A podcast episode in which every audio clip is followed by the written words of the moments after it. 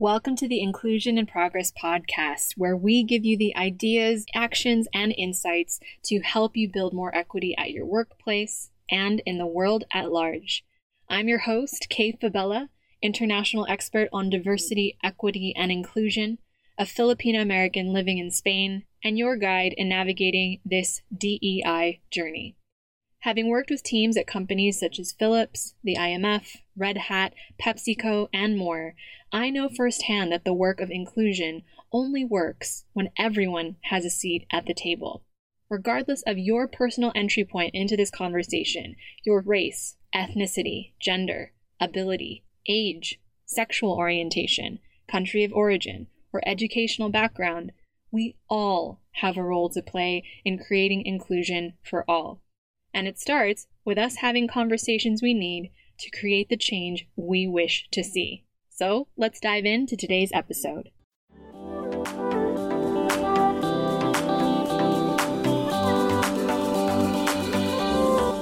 Hey, hey, hey, it's Kay here, and welcome back to the show. So, this week has been a busy one. I say this every week, but really, this one has been.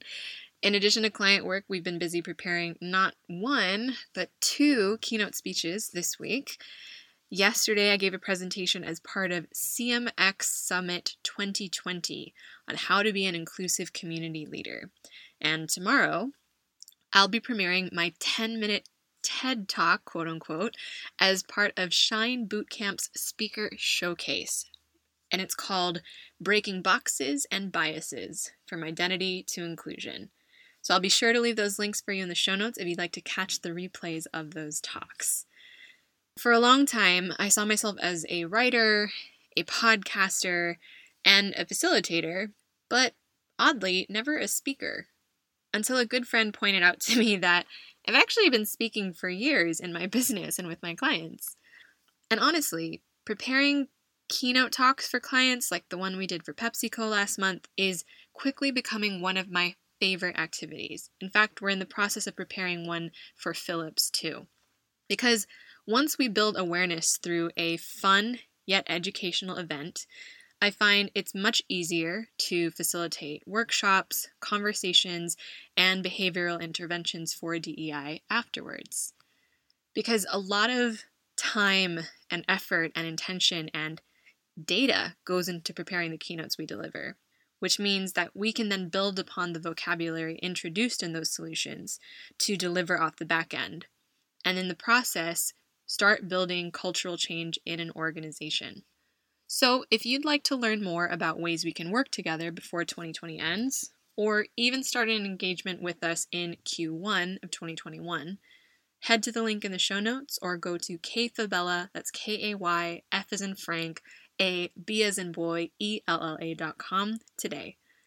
During our free call, I'll help you assess where you are on your DEI journey and which of our services is the right fit to help you build and sustain an inclusive culture at your organization. So, switching gears, as the November election in my home country of the US draws closer, I can sense a lot of people are on edge. I mean, I feel it all the way out here in Madrid, Spain, where I live. And who wouldn't be? During a year where very few things feel like they're under our control with COVID 19 and this pandemic, we're being reminded every day of the importance of intentional leadership in government and in our companies, and the consequences of not having that leadership in place. Not only that, we're being reminded every day that the global anti racism movement, while it started off with a fervor in June, has a long way to go for us to see true systemic change. As of the time of this recording, my home state of California just passed a law mandating more diversity within corporate boards of executives, which is going to subject 625 organizations in the state to include at least one person from a minority or underrepresented background by the end of 2021.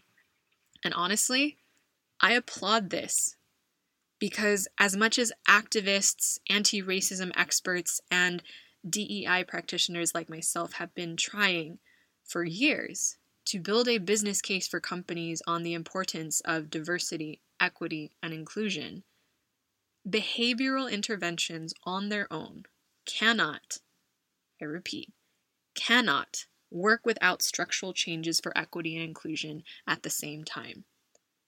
As much as we'd like to believe in our own higher selves, in our own capacity for consistency in implementing cultural changes at work, the fact of the matter is that we're all human.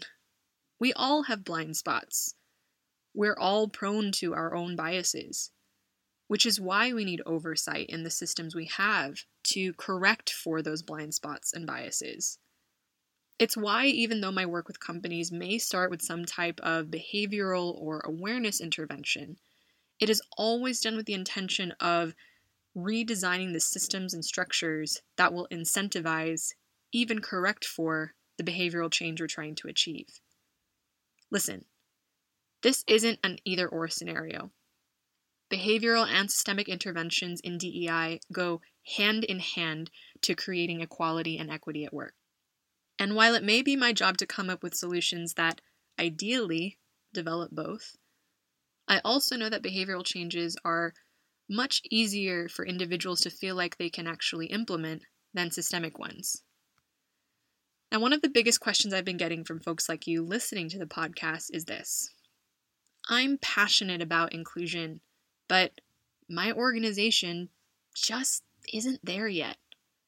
What can I do as an individual to lead inclusion where I am? So, there are a few key elements to talk about inclusion effectively at work. One of them is embracing your privileges, the other is the conversation around acknowledging your biases, and the other is learning how to quickly assess where an individual is on their DEI journey to get them to that next right step of understanding and hopefully learning. I'm going to break each of these down on separate episodes, but for today, I'm going to focus on the P word for privilege. Did you notice how that made you wince a little when you were listening to it? Don't worry, you're not alone.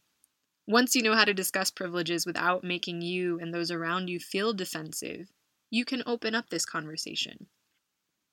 Now, talking about privilege is usually a tough conversation to have on your own without steady hand of a facilitator or some type of structure to guide you. Because each of us has such a deeply personal entry point into diversity, equity, and inclusion that we're often prone to getting defensive and sometimes stopping the conversation before it even begins. So think about this episode as a guide for you to talk about privilege with less clenched fists and more open hands, exchanging ideas. So, without further ado, let's dive in. The first thing to consider when talking about privilege is one of my favorite, probably more useful mantras these days, especially in 2020 budget your outrage. In the span of a few months, we've watched how George Floyd, Ahmaud Arbery, Breonna Taylor, Nina Pop, and other victims of systemic racism have even seem to fade from public memory without the justice that we all know they deserve. Even saying their names out loud right now is enough to break my heart into a thousand tiny pieces all over again. But if I sat in that place of heartbreak or rage every day, I wouldn't be effective in my work. So I've had to learn to budget my outrage, meaning I can't let every little thing I read on the news, every interaction with someone who insists that diversity isn't quote unquote a real problem, or every instance I read of corporate injustice get under my skin. I would be a raw nerve walking around every day on the verge of tears. And that's where learning to master your emotions and selectively tune out the noise comes in. As I often say on this podcast, inclusion is a marathon, not a sprint. So we have to pace ourselves on this long road to progress. So when you find yourself in a conversation with someone talking about privilege, especially if it's their first time being made held accountable or made aware, and they say something that you read as offensive or defensive, go beyond the surface level of what they're saying. Another mantra I use for this is assume ignorance, not intent. Oftentimes, these are folks who are just learning that there is a world beyond their version of the Matrix, where not everyone has the same access to resources or opportunities as they have. And if your worldview has never been challenged before, you're of course bound to say something that is rooted in your experience. But remember, it's also not your job to save everyone. I found this out as recently as last week when someone, let's call him Z, from my past got back in touch by email, supposedly to learn more about DEI. From what I read, he seemed genuinely interested in learning and sent a bunch of questions across asking about the subtleties and nuances of racism in different countries, not just in the US. When I took the time to answer him in depth, he quickly backtracked and said he wasn't looking for a class he didn't ask for, and that he preferred not to engage in the discussion any further as much as we could chalk it up to white fragility or unwillingness to learn, I know from experience that you can't push someone beyond where they're willing to go outside of their comfort zone. And you should focus on the people you have helped or that are willing to be helped instead of the people who, quite simply, aren't ready yet even when they claim that they are. And the same goes for you in leading this privilege conversation. Prepare for someone to shut down, to get defensive, or play a game of what about ism with you. But if you see the conversation is going around in circles, don't give it more time than it's worth. And remember, we can't judge a person's journey by a one off interaction. Even if the person I mentioned in this scenario got defensive with me right now, I can't predict if or how there were seeds planted that will affect how he understands his privilege in the future. I repeat again marathon, not sprint. The second thing to remember when you're talking about or trying to lead the privilege conversation effectively is to show how privilege is intersectional. We know that workplaces and the world at large were designed for straight, cisgender, able bodied men of the European persuasion. And the further you are from that center, the more ground you have to cover to play catch up. We know that that power dynamic was in place centuries before you or I came into existence. But here's the funny thing about power when you've had it and held it for generations and you've never questioned it, you're bound to get defensive when you're challenged on how you got that power in the first place. And nothing gets people more defensive than when they feel like they're being unfairly labeled. Which is why the word privilege is such a sticking point for would be allies or people who are just beginning their DEI journey, especially when you throw the words white privilege together. Now, I know the P word brings up a lot of different feelings for people, especially given the backdrop of the pandemic and the pandemic within the pandemic and what's happening with the anti racism movement in general. I'm going to define the word privilege and what it actually means. It's a special right, advantage, or immunity granted or available only to a particular person or group. Groups who benefit from privilege are usually unaware they have it. It does not mean that you were automatically born with a silver spoon in your mouth. It just means that you have access to abilities and advantages that not everyone does. So in my workshops, I actually walk through a 30 point privilege checklist where I ask participants to write down how many of the privileges that I've listed they actually have. Some of those include things like access to health insurance, having a college or university degree, having access to high speed or broadband internet, not needing to use captions to watch videos or listen to podcasts, or observing holy days in your religion without having to use vacation days to do so it's much easier to approach the privilege conversation when sometimes you lean into that bias around the word. Spin the concept on its head and then turn it around to make it more inclusive for whoever's in front of you. It then opens the conversation up much more when you move away from the finger pointing, you have privilege because you blah, blah, blah, blah, blah. and more towards intentional education. Have you considered that you and I have privileges like XYZ? Remember, you don't need to lead all of these conversations on your own. Having the right facilitator to quickly read emotions, diffuse tension, and foster understanding is crucial. So, if you'd like to learn more about ways I can help you facilitate this DEI conversation at your organization before 2020 ends, or even to start facilitating the conversation in Q1 2021, head to the link in the show notes or go to kayfabella.com to book your free call. Now, the third thing to consider when discussing privilege with someone who's newer to this conversation is this focus your discussion on one privilege at a time. I know, I know, this seems to directly contradict what I just said in the previous point, but hear me out. When we're learning something new, such as what privileges and which privileges we have that we didn't know about, our brains are capable of understanding one new concept or truth at a time. So once you've expanded the definition of privilege for someone as nothing more than a special right, immunity, or advantage granted to a particular group, focus on what, for example, male privilege looks like, or heteronormativity looks like, or ableism, or socioeconomic status.